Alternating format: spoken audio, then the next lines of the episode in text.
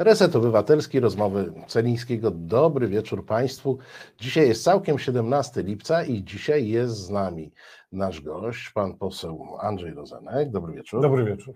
E, I zacznę korzystając z, tego, że jesteś wiceprzewodniczącym Komisji Obrony. Byłem wiceprzewodniczącym. Byłeś, a przepraszam, tam, no tak, tak, tak, przetasowanie. Tak. E, tak, ale jesteś w Komisji Obrony, Komisji Obrony, która zajęła się ostatnio nowelizowaniem dzieła życia Jarosława Kaczyńskiego, czyli ustawy o obronności kraju. Mhm. E, Ja słyszałem, e, że jak już ta ustawa jest, to zrobiliśmy się bezpieczni. To trzeba to nasze bezpieczeństwo jeszcze bardziej znowelizować. No, Po, po co nowelizujemy ustawę, która podobno była doskonała? E, Nowelizujemy ją dlatego, że nie była doskonała. Okazała się bublem e, prawnym, bo zapisane w niej e, źródła finansowania były, jak się okazuje, niewystarczające. Zdaje się, że możni tego świata, bank, bankierzy, i, a też i obywatele nie bardzo chcą zaciągać, znaczy wpłacać pieniądze na obligacje, których celem będzie po, poszerzanie obronności polskiej, więc trzeba było poszerzyć katalog y, źródeł finansowych, bo y, ta ustawa zakłada taki fundusz zewnętrzny pozabudżetowy, z którego będą finansowane zakupy dla polskiej armii. No i tego mniej więcej dotyczyła ta nowelizacja. Ale y, myślę, że to dopiero jest początek nowelizacji. Ta ustawa o obronie ojczyzny ma taką grubość. Na grubość wydawałoby się, że solidna rzecz. No to E, No, ale jak już kiedyś mówiłem, ryzą papieru się ludzi nie obroni. Każdy, kto kiedykolwiek strzelał, wie, że przez taką ryzę papieru to przechodzi pocisk z Kałasznikowa na wylot i ale, z, sobie ale z wiatrówki dalej. już nie, ale z wiatrówki. Wiatrówki nie, ale wątpię, żeby, żebyśmy wiatrówkami byli atakowani. No ale tak na poważnie, monumentalne dzieło, pomnik legislacyjny Jarosława Kaczyńskiego. Z jednej strony nawet można powiedzieć, że trochę potrzebne, bo ta obronność nasza była w wielu różnych y, miejscach zapisana i rzeczywiście scalenie tego ma sens.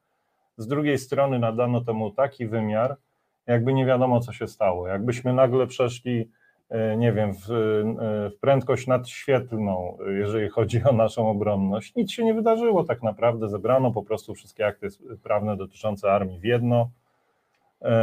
Nie wtłoczono do tego akurat niczego, co dotyczy obrony cywilnej. Uważam to za błąd.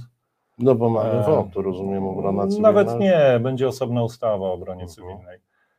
No ale halo, no nic się nie stało. Nadal mamy armię niedozbrojoną, nadal mamy armię, która liże rany po Macierewiczu.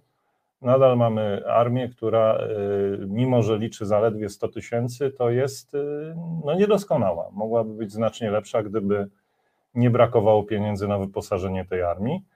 A podpowiadam ci, że e, nasz wódz, nasz mm, guru myśli o 300 tysięcznej armii. No tak, tak, tak. E, Pytanie, jakim cudem to się ma wydarzyć? Ale jak to jest w tej chwili e, z naszą e, obronnością generalnie? Bo z jednej strony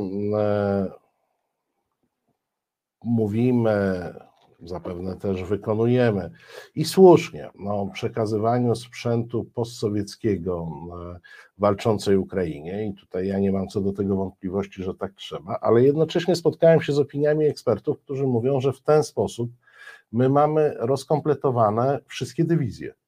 Żadna z nich nie ma zdolności bojowej, że to się dzieje w sposób tak chaotyczny, że żadna z trzech dywizji, które powinny, e, na papierze przynajmniej, e, są e, w pełni zdolności bojowych, te zdolności utraciły.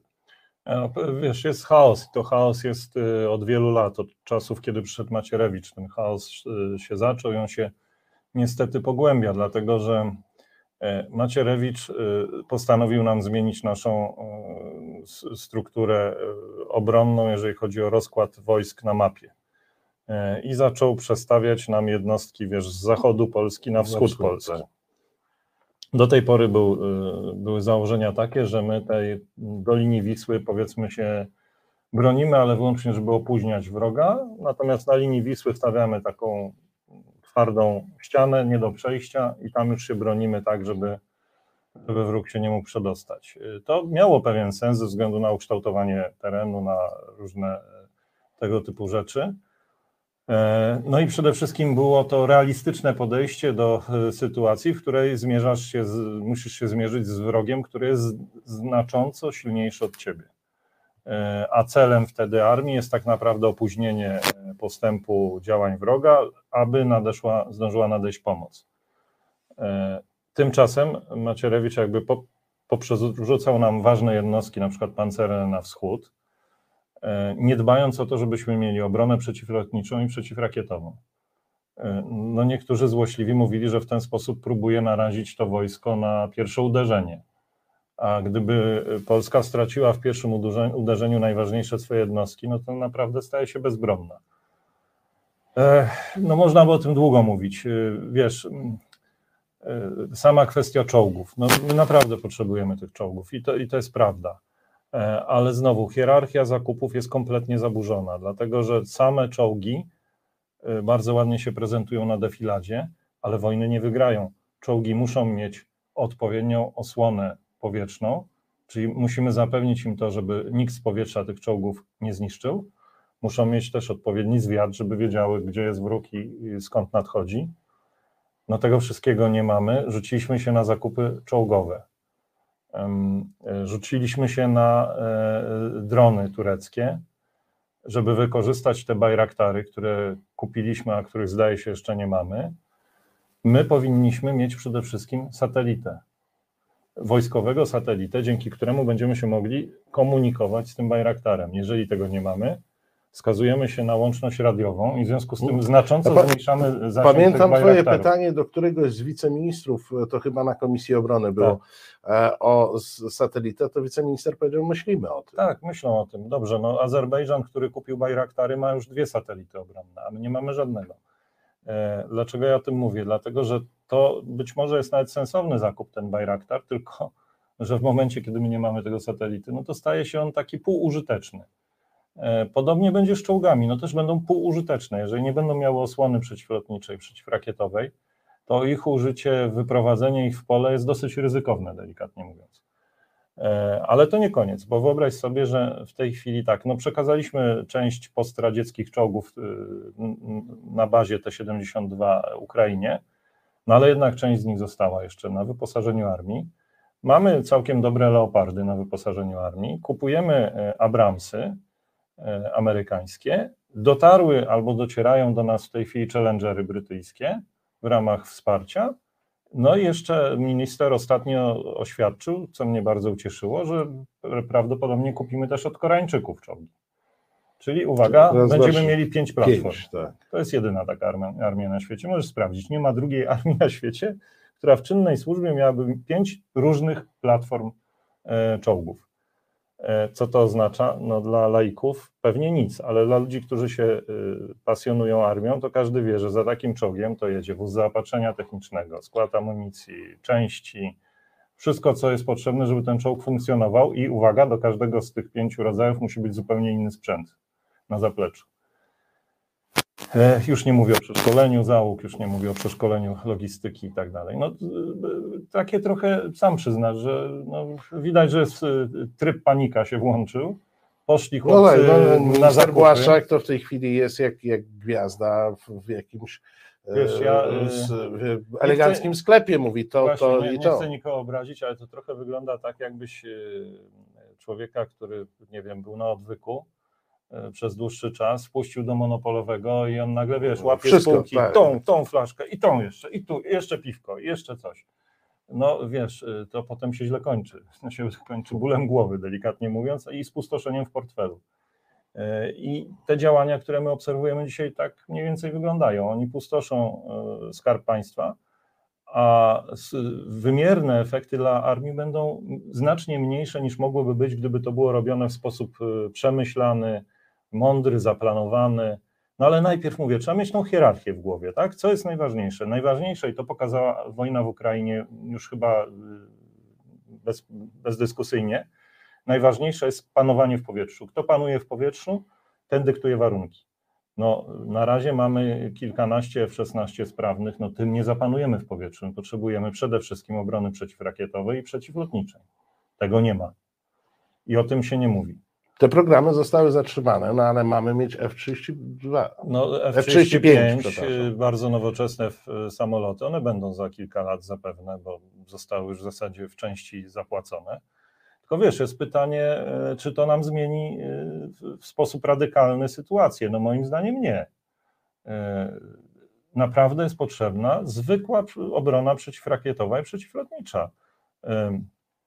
I e, drugie państwo, które jest e, w nieustannej wojnie, to jest Izrael. E, Izrael zadbał przede wszystkim o to, żeby nad najważniejszymi punktami strategicznymi, ale i tam, gdzie najwięcej ludzi żyje w Izraelu, przykryć to taką tarczą, taką mm, kopułą, to się nazywa żelazna kopuła. I ona zabezpiecza w rzeczywistości i mieszkańców, i punkty strategiczne przed atakami rakietowymi. E, Dzięki temu ludzie w Izraelu żyją dosyć spokojnie, mimo że de facto cały czas są na linii frontu. E, Oczywiście nam się to prawdopodobnie nie uda, bo to są e, niezwykle skomplikowane technologie i bardzo drogie, no ale przynajmniej jakieś kroki powinniśmy w tym kierunku wykonywać. I to powinna być pierwszorzędna robota. Drugorzędna robota to jest e, zabezpieczenie szlaków e, komunikacyjnych, tych, którymi będziemy dost- dostawali w przyszłości na przykład gaz skroplony. Bo jeżeli się odcinamy od gazu Putina, a słusznie, że, że się odcinamy, bo on jest y, zmieszany już z krwią Ukraińców, to powinniśmy za, zadać sobie proste pytanie, czy nasz gazoport y, w Świnoujściu jest bezpieczny? Czy bezpieczny jest Baltic Pipe, którym za chwilę popłynie norweski gaz? Czy bezpieczny jest port w Gdańsku? No, sama Formoza tego nie zabezpieczy. Musimy mieć jakąś marynarkę wojenną. My jej nie mamy. Programy rozwoju marynarki wojennej zostały zniszczone albo zablokowane. Y, Powinniśmy mieć chociaż dwa okręty podwodne. Y, Laicy znowu uważają, że Bałtyk jest za płytkim morzem, żeby, żeby tam operowały okręty. To nieprawda. Okręty podwodne e, nie potrzebują wielkich głębokości, potrzebują natomiast y, morza, które jest, które daje szansę na ukrycie się. A Bałtyk daje szansę, bo jest bardzo brudnym morzem. Na samym dnie tam naprawdę żadne Mhm. sonary nie są w stanie tych łodzi wykryć. Rosjanie to zresztą notorycznie wykorzystują, podpływając wręcz pod wybrzeża Szwecji. I te okręty podwodne oczywiście mają e, taką rolę, żeby pilnować naszych szlaków komunikacyjnych, ale również na przykład taką, żeby w razie czego dostarczyć w odpowiednie miejsce nasze siły specjalne, z których możemy być dumni, bo one są naszą perłą w koronie. To są najlepsze, to jest najlepszy rodzaj wojsk, jaki mamy, y, najlepiej przygotowany do wojny i taki, którego się naprawdę nie możemy, nie, nie mamy powodu wstydzić. I no tego też nie ma. Więc wiesz, to y, duże wydatki, efekt mały, żeby nie powiedzieć, że mizerny. I znowu to wygląda tak, jakby ktoś albo był nieprzytomny, albo celowo y, nam tutaj dewastował armię. No, ja inaczej tego nie umiem określić. A może duże wydatki to jest e, taki sposób e, na życie. E, No bo z inwestycji strategicznych mamy mieć we wrześniu otwarty mm, przekop Mierzei Wieślanej, którą podobno okoliczna ludność nazywa rowem prezesa. Rów Jarozbawa. też coś Jarozbawa, tak, jeszcze. Ja słyszałem ruch prezesa.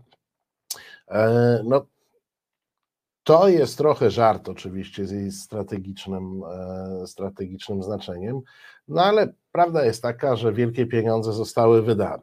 Wielkie pieniądze wydawaliśmy na, elektrownię w Ostrołęce, której nie będzie.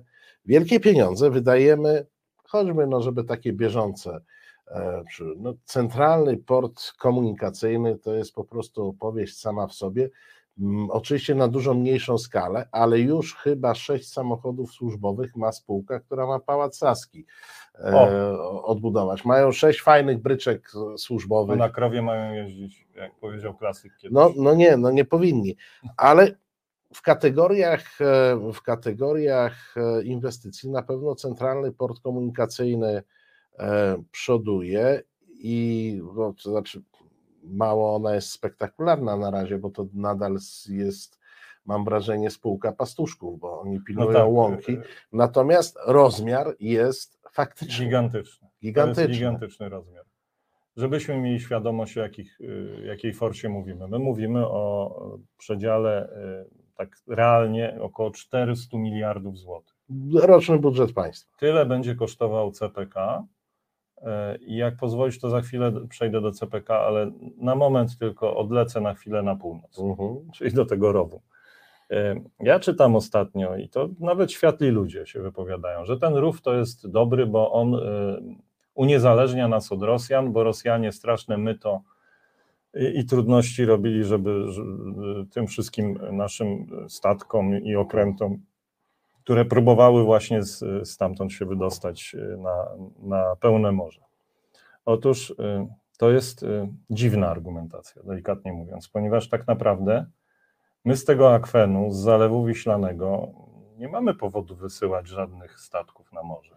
Zatem, A już po, w szczególności po, po samym, okrętów. Po samym zalewie ani statki, ani okręty tak jest, nie bo popływają. Zalew jest strasznie płytki, tak. czyli krótko mówiąc, to co Rosjanie robili, rzeczywiście robili nam na złość i robią, dotyczyło y, turystyki, czyli jachtów, y, no małych jednostek, tak. takich y, turystycznych. Ewentualnie, Ewentualnie rybackich, jakiś, jak już. Tak. Jakichś małych rybackich lub jakichś bareczek, które no nie, staną, nie są tutaj jakby naprawdę istotnym elementem ani naszej gospodarki, a tym bardziej obronności. Więc wybudowanie za 2 miliardy rowu prezesa, który będzie kosztował nas, obywateli, co roku kilka set milionów złotych, dlatego że tam sypie cały czas. E, no, może ma swoje prądy. Te, te prądy powodują to, że piasek jest nasypywany do wejścia tego, gazopo, te, tego rowu. W związku z tym tam muszą chodzić cały czas pogłębiarki. To już liczyli eksperci, to może kosztować nawet kilkaset milionów. Rok w rok. Po to, żeby parę e, jachtów, być może bardzo ładnych, i parę barek przepłynęło tym rowem. To naprawdę nie ma sensu. Oczywiście ja też mam takie poczucie, że fajnie, że zagraliśmy Rosjanom na nosie i oni teraz są wkurzeni, tylko że no, trzeba policzyć, że być może te dwa miliardy wydane na coś zupełnie innego by przyniosły Polsce, Polakom znacznie więcej niż to. I mi cały czas brakuje takiego myślenia, wiesz, bo uzasadnić centralny port komunikacyjny pewnie i ta, każdy jakoś usiadł i uzasadnił. No jest 400 miliardów do wzięcia, no to jak usiądziemy we dwóch, to to tak rozpiszemy, Nie, że no. się spodoba ludziom. Tak? Za 399 zrobimy. Żeby tak, już... tylko jest pytanie, czy za te 400 miliardów nie można zrobić czegoś bardziej sensownego. Ja od razu mówię, że można i na przykład podpowiadam pisowcom, żeby się zastanowili, czy my nie powinniśmy zacząć mówić o wielkim narodowym projekcie oszczędzania wody poprzez budowę małej retencji, uh mhm. -huh. poprzez powrót do małych elektrowni elektrowni e, wodnych, e, poprzez takie zagospodarowanie wody, której mamy strasznie mało w Polsce, żeby ona tak od razu ciurkiem do Bałtyku nie leciała. To byłby gigantyczny, wielki program, który objąłby całą Polskę, e, który byłby szansą dla inżynierów, żeby się wykazali, naszych inżynierów. My mamy świetnych inżynierów, którzy potrafiliby to zrobić. I każdy by z tego skorzystał, bo w każdej małej ojczyźnie coś by dzięki temu powstało i pewnie kosztowałoby to z połowę tych, tych 400 miliardów. Dzięki temu zaoszczędzilibyśmy wodę, która się przyda nie tylko tobie i mi, ale i naszym dzieciom i naszym wnukom. Tak jest.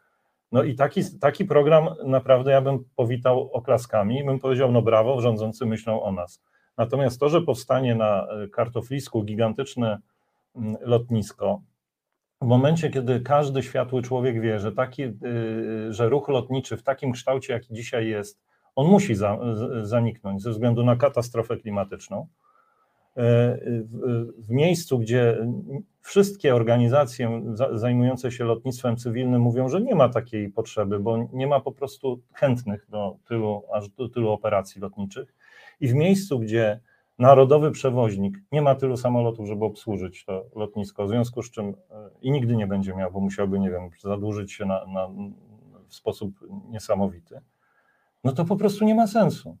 To jest wielki kolejny pomnik, który niczemu i nikomu nie służy. Będą wydane ogromne pieniądze. Wątpię, żeby to w ogóle kiedykolwiek zostało skończone. No ale ktoś zarobi, tak? Znowu ktoś zarobi. Będzie to kolejna elektrownia Ostrołęka. Na końcu może będziemy tam wycieczki wysyłać, tak jak się dzisiaj wysyła do e, niesławnej elektrowni jądrowej e, na, na, na, naszym Pomorzu, gdzie można zobaczyć. Tak, w zasadzie już chyba tylko fundamenty zostały, mhm. prawda? E, z tego projektu PRL-owskiego, no ale przynajmniej jest jakaś atrakcja. No myślę, że tu, tu może być jakaś atrakcja, tylko że szkoda forsy. My jesteśmy biednym krajem na dorobku, ścigamy się z tymi najbogatszymi, Trzeba każdą złotówkę liczyć i zastanawiać się 10 razy, jak ją wydać. A tutaj wiesz, ktoś przychodzi, mówi: Zróbmy największe lotnisko w tej części Europy, a fajnie, zróbmy. A gdzie? A tu na tym kartoflisku. No to super, to robimy. I teraz nie patrzą na to, że tam ludzie mieszkają, że jest najlepsza ziemia orna, jaka może być w ogóle w Polsce, że trzeba tych ludzi wysiedlić. Nikt im nie da y, nowych gospodarstw rolnych, no bo już nie ma w Polsce ziemi tej klasy do kupienia. Więc to jest niszczenie ich, ich życia, ich przyszłości, ich, ich dzieci. Y, w związku z tym budowane są te słynne szprychy one idą w sposób taki całkowicie nie, nieprzewidywalny, przecinają miasta na pół, przecinają wsie na pół. E, e, konsultacje społeczne polegają na tym, że przyjeżdża urzędnik od pana Chorały i mówi, tak będzie, bo mu się tak podoba. No wiesz, no, ja się nie czuję gospodarzem w tym kraju. Ja uważam, że my, obywatele, powinniśmy się wszyscy czuć gospodarzami. Każdy z nas jest y, częścią tego kraju i powinien wspólnie odpowiadać i mieć coś do powiedzenia, a tymczasem oni decydują za nas i decydują w sposób głupi. A odkręcenie tego potem będzie niesamowicie kosztowne. Niesamowicie. No tak jak z, z Ostrołęką. Co my możemy teraz zrobić z Ostrołęką? No teraz będą tam budować jakąś elektrownię na wodór. Zobaczymy, czy to nie jest kolejne szaleństwo. Ale y, no najpierw trzeba było zburzyć tam to, co zbudowali. Tak? Więc no, każdy rozsądny człowiek zadaje sobie zawsze pytanie, jak planuje jakieś wydatki z własnego budżetu, to czy, czy muszę to zrobić, czy to jest najsensowniej wydany pieniądz, czy można ten pieniądz inaczej zainwestować i mieć z tego większy zysk. Wiesz, tu nie ma takiej rozmowy. No, przy Ostrołęce smaczek dodatkowy jeszcze jest taki, że miała być to elektrownia węglowa, a sama Ostrołęka jest skomunikowana w taki sposób, że ten węgiel tak naprawdę skutecznie można by było dostarczyć tylko z tego Ze kierunku, z którego w tej chwili podobno nie bierzemy, jakkolwiek pan premier Morawiecki już nie wiem, czy wczoraj, czy dzisiaj był pytany o zakupy e, rosyjskiej ropy przez pośredników, mhm. to powiedział, że nie kupuje od Rosji, bo kupuje na giełdzie. A, no tak. Więc jak na giełdzie, to już nie wiadomo od kogo, więc z tym węglem też nie wiadomo, ale tu jest e, kwestia tego kryzysu węglowego, który mamy. No bo z jednej strony słyszeliśmy, że węgla mamy na 200 lat. Jakoś nam szybko te 200 lat zleciało, bo teraz słyszymy, że tego węgla nie ma i wpadamy w coś, co jest chyba jakimś wyższym stadium e, histerii, e, bo jest tak, pan premier mówi, wydaje polecenie spółkom Skarbu Państwa, żeby kupiły 4 miliony ton węgla i w ciągu trzech miesięcy dostarczyły do Polski. Mhm. Tu znowu ludzie od logistyki mówią, że to jest absurd. Po prostu, po pierwsze, nigdzie na półce węgla nie ma, to, to tak nie działa, że się kontraktuje i bach już. Po drugie, to trzeba wyczarterować ileś statków. Po trzecie, to trzeba wydzierżawić ileś slotów w portach, żeby to załadować i rozładować, bo to jest e, trochę bardziej skomplikowane niż na, nasze zakupy w supermarkecie. Tak? To, to nie jest tak, że wrzucę do wózka, bak, do kasy i, i jadę e, do domu. Rząd proponuje nam E, wszystkim zakup 3 e, ton węgla w ulgowej cenie. Co nas czeka tak naprawdę na jesieni? Jeżeli mowa jest o 300% podwyżek na taryfach energii, energii elektrycznej, jeżeli tona węgla w tej chwili kosztuje ponad 3000 zł na jesieni, pewnie będzie droższa. Ja nie palę węglem, ale chciałem wiedzieć o co chodzi, więc 3 tony węgla przeważnie nie wystarczą na sezon zimowy przy przeciętnym domu. Jak mówią ludzie, którzy, którzy na tym się znają, no czeka nas jakiś Armagedon.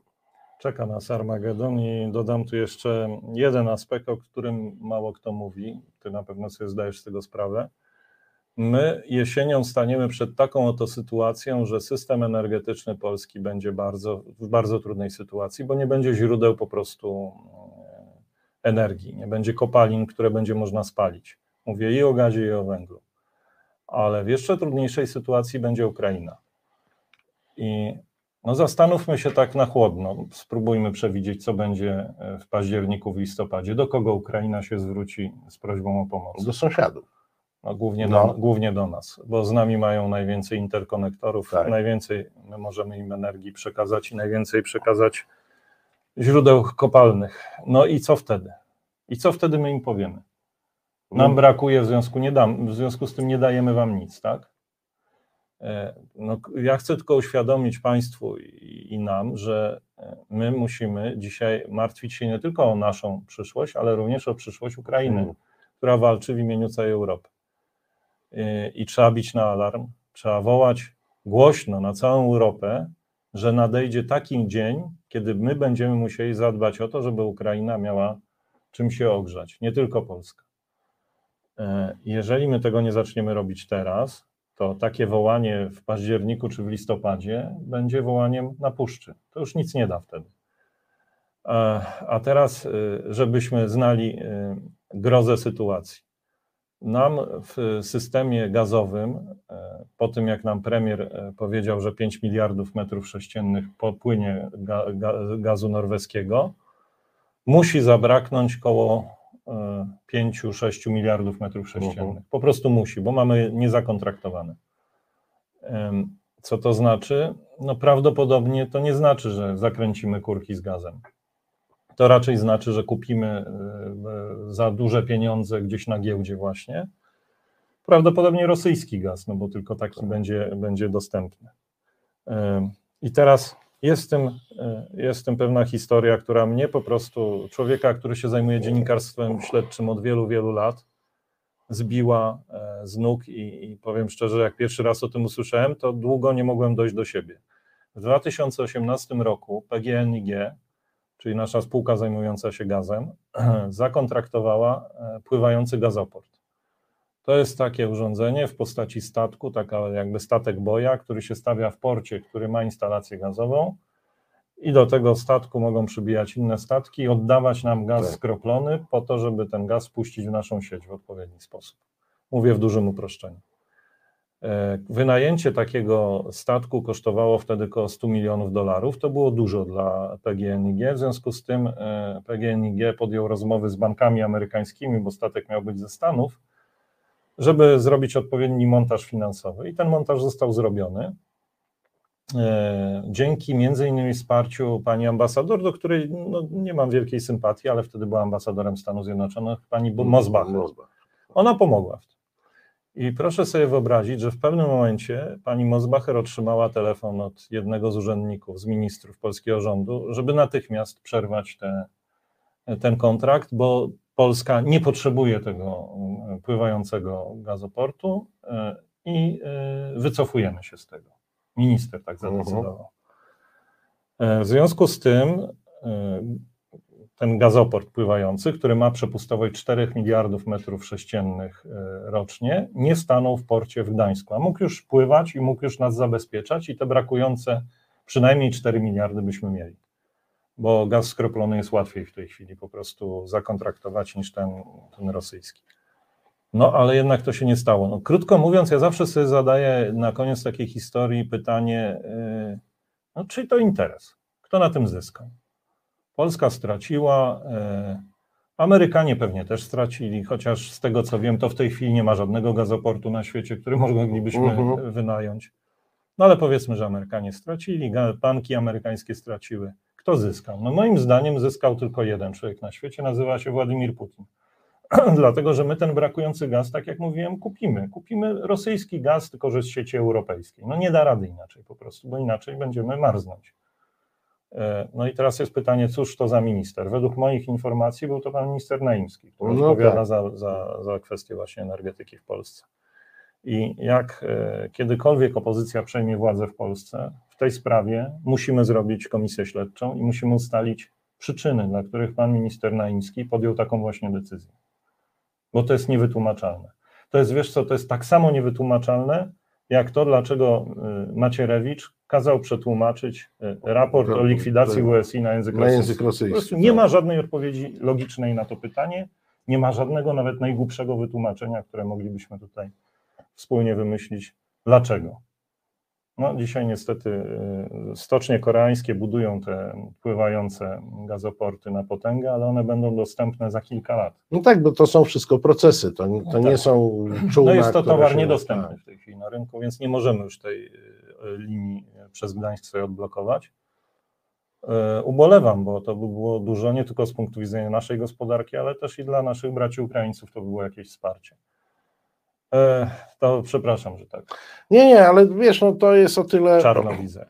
E, o tyle, że no, to też pewnie część z Państwa wie, minister Naimski jest jednym z wiernych towarzyszy Antoniego Macierewicza tak. w jego dziwnych poczynaniach od dziesięcioleci. E, ma, ma swoje miejsce. Jest o nim trochę ciszej, bo resort e, energetyki nie jest. A to czekaj, bo tutaj ktoś pisze, nie wystarczy wy, wyciąg- wynająć pływający gazoport, trzeba jeszcze mieć gaz. No gaz skroplony jeszcze na świecie można zakontraktować, bo gazoport taki, o którym ja mówię, przyjmuje gaz skroplony. Tak jak w Świnoujściu mamy 100% obłożenia i, i będziemy mieli, bo jest zakontraktowane 100%, tak samo ten pływający gazoport też mógłby przyjmować 100%. Problem jest z tym gazem, który jest dostarczany y, rurociągami do Europy, dlatego że jeden, w jednym miejscu Putin zamknął kurek, w innym rzekomo remontuje, no a generalnie kupowanie gazu od Putina jest y, no, moralnie obrzydliwe. Tak? Więc... Y, tak, no zresztą mm, myślę, że to są poważne deklaracje Komisji Europejskiej o tym, że tylko, że Komisja Europejska chciała to robić wedle pewnego planu odchodzenia od importu rosyjskiego gazu. No w tej chwili odchodzimy od tego importu wedle planu Putina, a nie planu mhm. Komisji E, Komisji Europejskiej, e, a nasze zasoby gazu, to nie wiem, to chyba nadal jest e, rząd wielkości 2-3 miliardów. Znaczy, my jesteśmy w stanie z własnych zasobów zaspokoić jakieś 20, no może 25% zapotrzebowania na gaz. Gaz łupkowy, jak wiesz, się okazał niewypałem, więc tu nie ma specjalnie żadnych możliwości na poszerzenie tego asortymentu to i tak jest dużo. Jesteśmy w fajnej sytuacji, że mhm. możemy jedną piątą, czy może nawet jedną czwartą mieć własnego gazu, ale nadal nam brakuje co najmniej 75%. No tak, pewnie e, przede wszystkim w pierwszym rzędzie padnie e, produkcja, tak? bo mhm. jednak połowa naszego gazu to jest produkcja i to są przede wszystkim kwestie nawozów sztucznych, azoty puławskie. Tu, tu będą największe problemy. Tak. Pewnie ten e, gaz konsumpcyjny będzie się taki dla odbiorców e, indywidualnych będzie się jeszcze jakoś bronił, jakkolwiek będzie znowu droższy.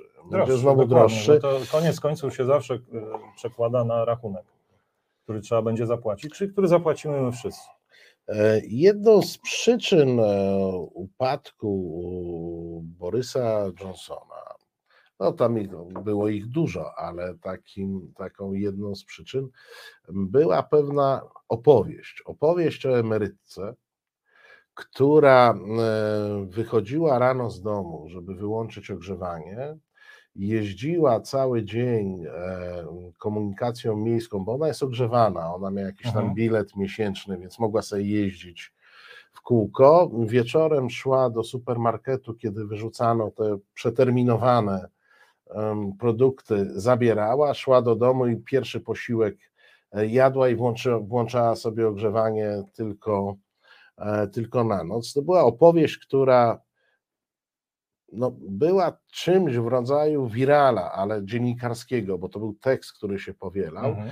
E, I może nie tyle ta opowieść, ile reakcja Borysa Johnsona, który jak do niego e, do, dotarło, że jest taka pani, że prowadzi taki tryb życia. No i dziennikarze to opisali, no halo Borys, jesteśmy trzecim światem, skoro ludzie u nas jeżdżą komunikacją po to, żeby się ogrzać. Mm, on to, mówiąc, przepraszam, kolokwialnie, kompletnie olał i to były kolejne jego punkty. Niektórzy twierdzą, że przeważające do tego, żeby przestać być premierem. W Polsce obszar biedy rośnie, no i będzie musiał e, rosnąć w związku z tym, że no, jak słyszymy 300% energia elektryczna, to przepraszam, to już nawet Glapiński sobie 300% podwyżki no, e, no, nie zrobił. Chyba nie. No, no, to nawet on. No ale już nie mówię o przeciętnym, przeciętnej Polce czy przeciętnym Polaku. No oczywiście nie ma, e, e, nie ma o czym mówić. Jak myślisz, na, na czym, ja, to ja wiem, że to jest takie pytanie trochę rytualne, na czym to polega, że jest rząd, który doprowadza sytuacji, być może nie ma jeszcze takiego materiału prasowego jak ten brytyjski, ale doprowadza do tej e, sytuacji bardzo wiele osób. Bardzo wiele osób w tej chwili naprawdę ten budżet rozporządzalny, czyli ten, który, e, który pozostaje po e, pokryciu podstawowych kosztów, jest minimalny albo nie ma go wcale. Ten rząd cieszy się poparciem.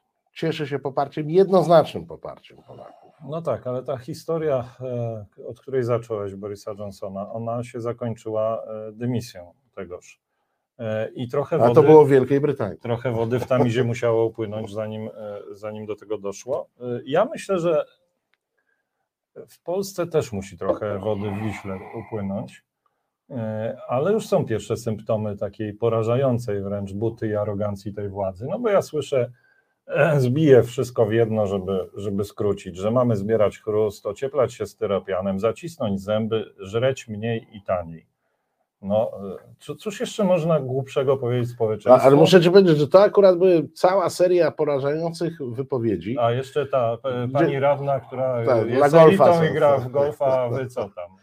E, nie, ale prostaki musicie w piłkę. Ale powiem Ci, jak trochę żyję, trochę obserwuję i ja nie pamiętam przedstawiciela władzy publicznej, który po pierwsze by się posunął w tej bezczelności tak daleko, tak.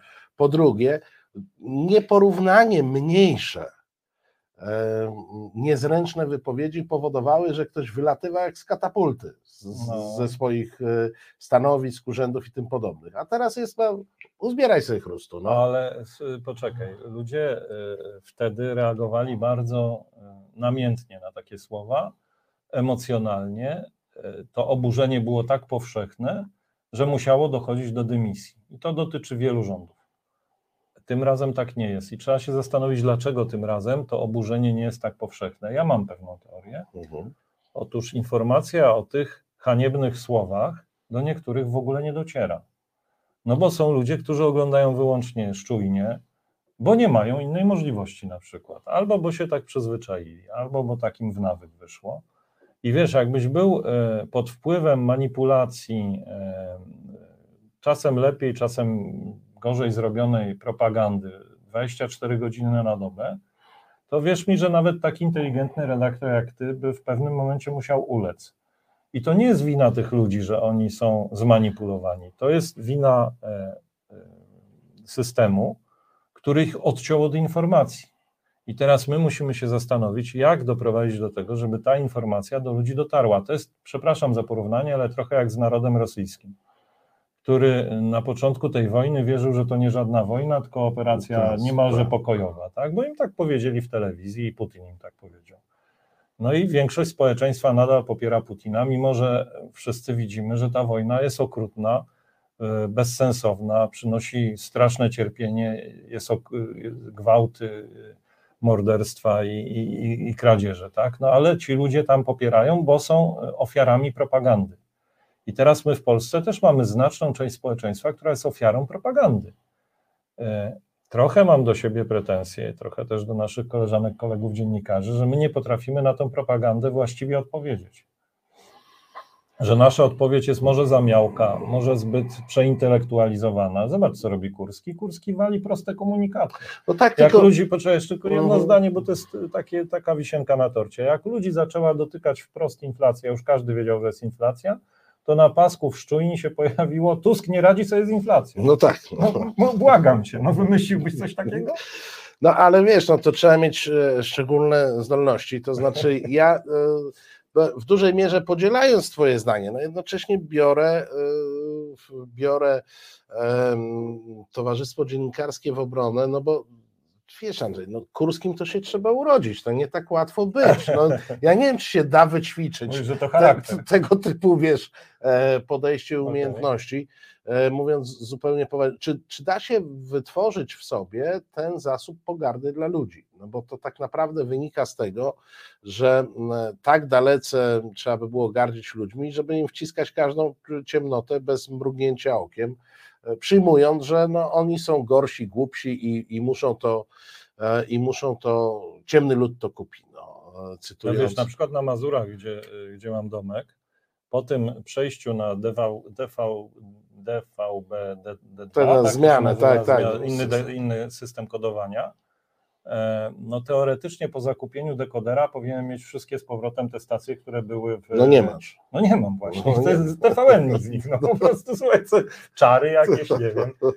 Za to wróciło TVP ale, rozstrojone, bo teraz mam chyba 17 różnych TVP. Y, TVP Kobieta, TVP No tak, bo oni mają nowe... No, po prostu cuda. I, ale, i co, no, y, nie ma reakcji. Ale, ale tak? wiesz, no ale masz takie mm, dosyć no nazwę pojmie chamskie manipulacje. Bo no wiesz, tak. ja, ja nawet lubię, jak ktoś manipuluje w sposób jakiś taki subtelny, wiesz, to mhm. można docenić. Tak. A tu masz taką manipulację młotkiem, no to, to jest naj, najbardziej precyzyjne e, narzędzie, to jest młotek. E, ale z drugiej strony ja mówię o tym, że my to już odczuwamy niezależnie od tego, czy są media. No bo wiesz, idziemy do sklepu, i żadne medium mnie nie przekona, że jest taniej. No już nie przesadzajmy. No, no nikogo nie przekona, że jest taniej. E, nikt mnie nie przekona, że płacę za zakupy tyle, co płaciłem na przykład dwa lata temu. I nikt mnie nie przekona, jak przychodzi mi rachunek za gaz, bo ja akurat ogrzewam się gazem. No nikt mnie nie przekona, że ta zima była fajna. No, no nie mhm. była fajna. Więc to odczuwa każdy, niezależnie od tego, jaką telewizję oglądasz, chleb, który kosztował 2 zł, kosztuje 4. No zgadza się. Tylko co, co dalej, tak? No, y, jak przebiega dalej proces myślowy? No kto jest temu winny? No i włączasz sobie TVPiS, no i widzisz, wina Tuska, no przecież to wszystko on tak, zrobił, tak, tak? tak?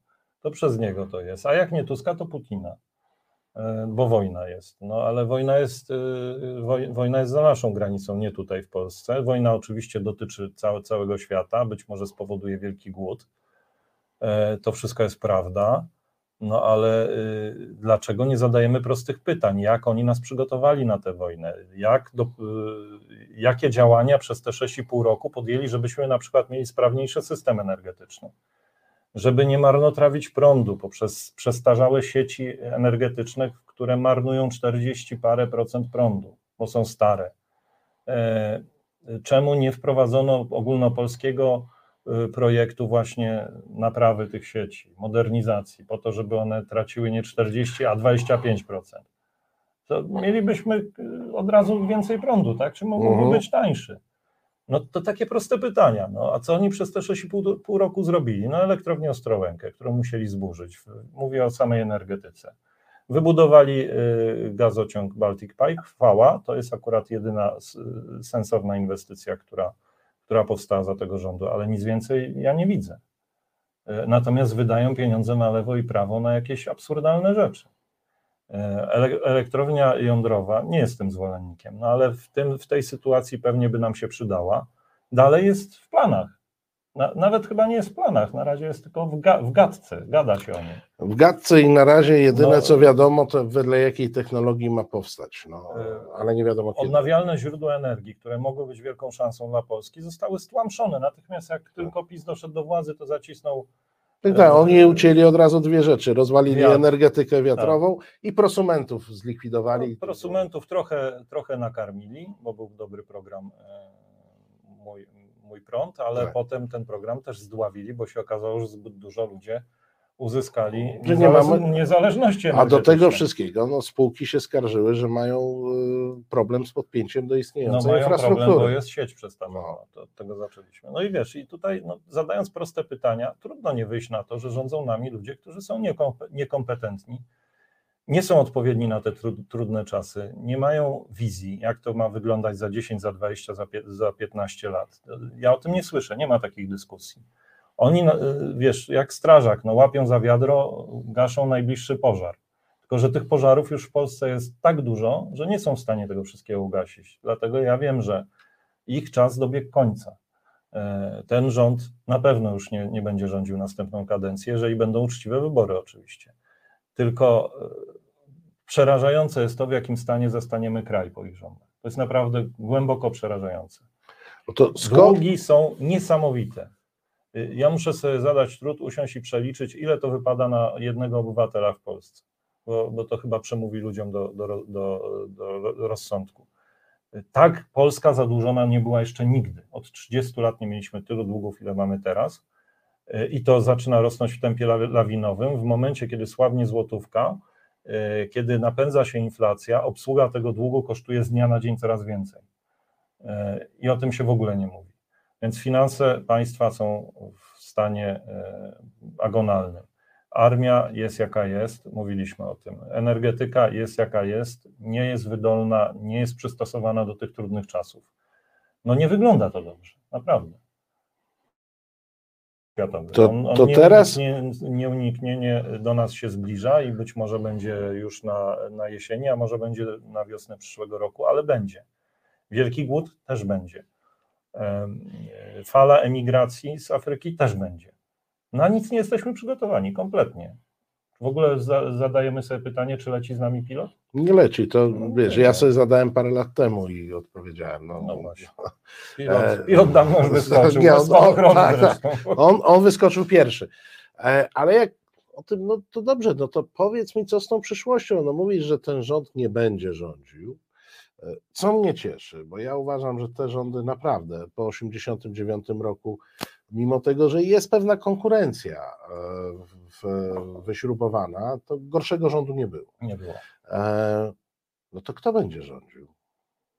O, tu jeszcze ktoś napisał, demografia nie pomaga. O, to jest no kolejny no tak, bardzo no. poważny problem i absolutnie się zgadzam. Znaczy, demografia. De, demografia pojawia, pomaga, proszę Państwa, tylko w jednym. Faktycznie nie jesteśmy zagrożeni bezrobociem, tak. ponieważ demografia, między innymi demografia, powoduje, że e, na, po, powiększa się niedobór rąk e, pracy. Tak, i Mateusz może chodzić po spotkaniach tak. i opowiadać, jak to ten rząd świetnie się więc bezrobocie nam nie, nie grozi, no, bo my... chyba, że zaleje nas fala emigracji z, z południa. Wtedy oczywiście będzie zupełnie inaczej, inna sytuacja. Ale powiedz, kto będzie rządził? No, no dobra, pożegnamy tego e, Mateusza, Jarosława, ja po nich płakać nie będę, większość Polaków też nie. E, no to na kogo będziemy narzekać? Nie, no kto będzie no. rządził, to wiadomo, będzie rządziła e, szeroko pojęta opozycja dzisiejsza. Tylko problem polega na tym, jak długo będzie rządziła, bo jeżeli ci, którzy przyjdą po e, Kaczyńskim, nie rozliczą tamtej ekipy, e, nie szczyszczą do spodu tego tałatajstwa, nie rozliczą ich z ich majątków, e, które są nabyte w sposób no, nieuczciwy, to ta następna ekipa będzie bardzo krótko rządzić. Ulica ich po prostu wyprowadzi na taczkach z, z ich gabinetów. Wiesz, i jak słyszę różne westchnienia, no co ten Tusk mówi o tym wyprowadzaniu Glapińskiego i tak dalej, no to ja uważam, że Tusk to bardzo delikatnie ujął. Bardzo, naprawdę. My musimy mówić y, poważnie y, o tym, że na przykład jeżeli w Szczujni pracują dziennikarze, y, którzy sobie nakupowali mieszkań pod wynajem, no, rozmowa bez zdradzania tego, kto jest moim rozmówcą, rozmowa z jednym z dziennikarzy ze Szczujni, z którym się znałem sprzed czasów, kiedy zaczął tam, tam pracować, pytam go, słuchaj, jak to jest możliwe, że ty w ogóle tam pracujesz? Przecież ty robisz sobie z gęby tak, taką świnię, że już nikt nie chce ci ręki nawet podać. A on mi na to mówi, wiesz, ja wiem, yy, że tak jest, wiem, że się sprzedałem, ale za drogo się sprzedałem, bo ja yy, co rok kupuję jedno mieszkanie na wynajem.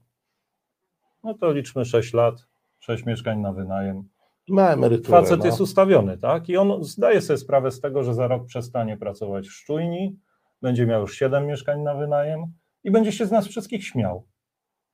Że po prostu no, oszukał nas wszystkich, tutaj świetnie manipulował, a teraz odcina od tego kupony. No ja się na to nie zgadzam. To jest po prostu tak niesprawiedliwe. Te 2 miliardy, które co roku dajemy na szczujnie, to wierzcie mi, to nie są pieniądze na to, żeby oni mieli lepsze nie wiem, kamery, czy, czy lepsze samochody, czy, czy lepsze oświetlenie. To jest opłacanie e, e, sumień tych ludzi. Oni po prostu za to, że tak kłamią, za to, że tak manipulują, biorą ogromne pieniądze. E, no i, a to jest tylko przykład, tak? bo są ludzie w spółkach Skarbu Państwa, są ludzie w różnych innych miejscach pisowcy, którzy po prostu w bardzo podobny sposób się zachowują. Jeżeli my nie doprowadzimy do tego, że oni zostaną rozliczeni, ale łącznie z odebraniem ich tych nieprawomocnie nabytych majątków, to wierz mi, że ta władza będzie bardzo krótko. No dobrze, ale najpierw mi powiedz, bo trochę dzielimy skórę na niedźwiedziu. Ja też się martwię o tą władzę, czy ona się sprawdzi, ale najpierw ona musi stać się władzą. No i jeżeli patrzę w kolejne sondaże i PiS ma tam stabilnie powyżej 30. Mhm. Platforma ma stabilnie poniżej 30, 20 parę. SLD, partia e, Hołowni między 8 a 10% i tam jakoś różnie się SLD już nie ma, Nowa Lewica. Przepraszam, Nowa Lewica. Tak jest. Stowarzyszenie Lewicy Tak. Demokratycznej, a to nie to samo. Tak jest. E, mm, PSL jak zwykle na granicy progu oni mają taki zwyczaj, ale u nich to jest tak, że zawsze są na granicy i jakoś tam, jakoś tam wchodzą. No to system wyborczy, jaki mamy, e, system kampanii wyborczej, jaki mamy, propaganda, jaka będzie. To się w ogóle nie składa na to, żeby Znaczy tak, się po- rząd miał zmienić. Po pierwsze, to co zrobiliśmy do tej pory, z czego jestem bardzo zadowolony, to porozumienie wszystkich partii demokratycznych dotyczące kontroli wyborów. To się stało, zostały podpisane odpowiednie dokumenty, ruszyły prace informatyków, bo to wymaga pewnego oprzyrządowania informatycznego i wspólnymi siłami wszystkich partii mm, będziemy liczyć głosy, po prostu, żeby się nie dać oszukać, tak jak daliśmy się prawdopodobnie oszukać w wyborach prezydenckich. To jest pierwsza rzecz. Druga rzecz, yy, przepraszam, będę tu mówił prosto z mostu. Jedna lista. Nie 10, nie 5, nie 3, jedna lista. Bo żeby wygrać z PiSem, my musimy wygrać z doktorem Dontem. Najpierw trzeba wygrać z Dontem, potem, trzeba wygrać z PiSem. Jedna lista gwarantuje zwycięstwo i z Dontem, i z PiSem. Każda inna sytuacja, kiedy są dwie, cztery, pięć list, tego nie gwarantuje. Daje szansę, ale już nie gwarantuje. Więc nie ma się nad czym zastanawiać. Wszystkie ambicje chowamy do kieszeni, siadamy do stołu. Trudno, najwyżej niektórzy się nie znajdą na listach. Ja też mogę to przypłacić tym, że się na liście nie znajdę. Trudno, ale jedna lista, bo my musimy wygrać z PiSem. A jak wygramy z PiSem, to będziemy każdy z nas, każda z tych partii będzie mogła realizować jakiś fragment swojego pro programu. Mniejszy lub większy, ale będzie mogła coś zrealizować. Jeżeli nie wygramy z PiSem, to ani Platforma, ani PPS, ani Hołownia nie zrealizuje nawet punkcika swojego programu. I to trzeba wbić do głowy wszystkim liderom wszystkich partii politycznych, które chcą rzeczywiście przejmować władzę w tym, w tym kraju. Jeżeli chcecie realnie zmieniać Polskę, musicie usiąść do stołu, dogadać się, stworzyć jedną listę. Masz pełną rację, jesteś bardzo przekonywujący, ale to, to jakoś tak nie wygląda, bo mm, cały czas słyszę mm, od pana Hołowni, że on tam sam chce się sprawdzić e, ze strony lewicy, że, że oni tam z tymi konserwatystami, e, z, mówię o nowej lewicy, z konserwatystami z Platformy czy PSL-u nie chcą gadać. PSL mówi, że w ogóle też no, z, tym, z tymi z razemkami różnymi nie będą gadać. Ja słyszę takie komunikaty, słyszę też komunikat, nie wiem na ile prawdziwy, bo to akurat jest, są informacje suflowane parę dni temu przez TVP Info, więc jak wiadomo poprosisz o inne źródło, ale e, oni twierdzą, że Schetyna montuje jakąś grupę e, rozłamową e, w Platformie Obywatelskiej, która ma robić e, prawdziwą, konserwatywną platformę. Zresztą z sympatii komentatorów TVP Info do tej inicjatywy, no, mam wątpliwości, czy to jest prawda. No, bo, No wiesz, ja po, przyznam ze wstydem, że nic o tym nie wiem, a pałętam się tam czasami na wiejskiej. a, a nie oglądasz TVP Info tak jak ja. Ja no, wiem, widzisz, no, to z TVP Info to ja usłyszałem, ale mówię, że żadnych plotek na No. ten temat nie znał. Nawet nikt nie szepnął na ucho, że coś się będzie działo, więc szczerze wątpię, czy to jest prawdziwa informacja. E, Raczej bym uważał, że to jest kolejna prowokacja e, Kurskiego. E, Ale czasami z takich prowokacji się mogą złe rzeczy wydarzyć, więc trzeba oczywiście chuchać na zimne i tutaj namawiać kolegów e, z Platformy, żeby oni się nie dzielili, bo to nie ma sensu na tym etapie. Natomiast y, co do pierwszego Twojego pytania, no y, oczywiście ambicje liderów są przeogromne. No ale każdy z tych liderów musi teraz y, wykazać, że bardziej mu zależy na Polsce. Przepraszam, zabrzmi to górnolotnie, ale cóż zrobić. Bardziej mu zależy na Polsce niż na sobie. To jest czas próby po prostu. I y, zobacz, y, nie, nie chcę znowu wyjść na takiego, który chwali Tuska, ale Donald Tusk ostatnimi wypowiedziami wyciągnął wyraźnie rękę w kierunku lewicy. E, Mówił i o małżeństwach e, homoseksualnych, mówił o e, aborcji, mówił o świeckim państwie. No wiesz, to dla polityka, który jest konserwatystą, to są poważne deklaracje i takie, które na pewno będą mu wypominane do końca życia. I, ale ja to szanuję, bo widzę, że ten człowiek rzeczywiście chce nas wszystkich zjednoczyć i wykonuje w tym celu pewne gesty. No chciałbym, żeby pozostali liderzy też wykonali pewne gesty, chociaż Od tego trzeba zacząć. Ja czekam na to, że oni udowodnią, że są mężami stanu, a nie e, osobami, które są kompletnie przypadkowo na swoich funkcjach. To jest czas próby. I to, y, jeżeli oni zawiodą, no to oczywiście być może będzie trzecia kadencja PiSu, ale to będzie katastrofa. To Polska naprawdę będzie w stanie katastrofy y, poważnej, tak? Nie mówię tylko o gospodarce, mówię głównie o tym, co, co nas chyba wszystkich najbardziej niepokoi, czyli o polexicie. Bo dla mnie jest oczywiste, że ten rząd przygotowuje grunt pod wyjście Polski z Unii Europejskiej już Kaczyński powiedział, że te fundusze europejskie to już dosyć tego. No, zresztą są, po, powiedział wczoraj, że już wyczerpana, wyczerpała się jego dobra wola. Że... E, a, a propaganda antyniemiecka jest już na tak wysokich obrotach, że za chwilę to, e, to nie wiem, chyba będziemy znowu zmieniać koncepcję Antoniego i przesuwać te wojska na Odrę zamiast na Bóg. Bo nie wiem, czy wiesz, e, słyszałem w radiu publicznym, tak zwanym, czyli w szczujni radiowej, e, jeden z dziennikarzy mówi do swojego eksperta, no, że musimy być przygotowani na konflikt z Niemcami. Na co ten ekspert mówi, to nie ma problemu, bo my mamy teraz lepszą armię niż Niemcy. No jeżeli w radiu państwowym odbywają się tego typu dyskusje, a mówimy o naszym największym partnerze gospodarczym, sojuszniku do tej pory w strukturach unijnych. To znaczy jeszcze do, I to na pewno nie był program satyryczny. Nie, nie, tak nie, tak nie, nie, bardzo poważna tak. dyskusja była. To wiesz, to e, ja nie wiem, e, zdaje się, że nikt tego nie nadzoruje, albo że rzeczywiście jest taka linia już tam w, w, w tym radiu. No po czymś takim ten dziennikarz powinien wylecieć na zbity pysk. Nie, wydaje się, że to już jest niestety jest taka, linia taka, taka, linia. No tak. Ja rzadko słucham, więc no, mnie, to, mnie to trochę zaniepokoiło, przyznam szczerze, że będziemy z Niemcami walczyć i że mamy lepszą armię.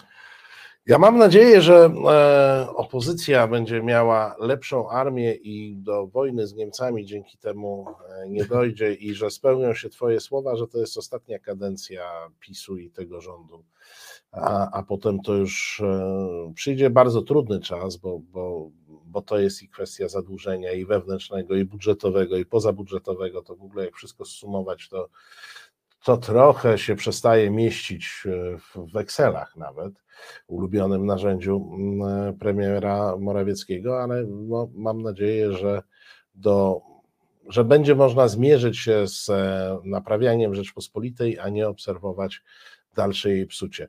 Bardzo Ci dziękuję za tę wizytę, ja dzisiejszą rozmowę. Państwa i moim gościem był pan poseł e, Andrzej Rozenek, PPS, bo ja zapomniałem. Polska Partia Socjalistyczna, tak, tak jest. Najstarsza polska partia.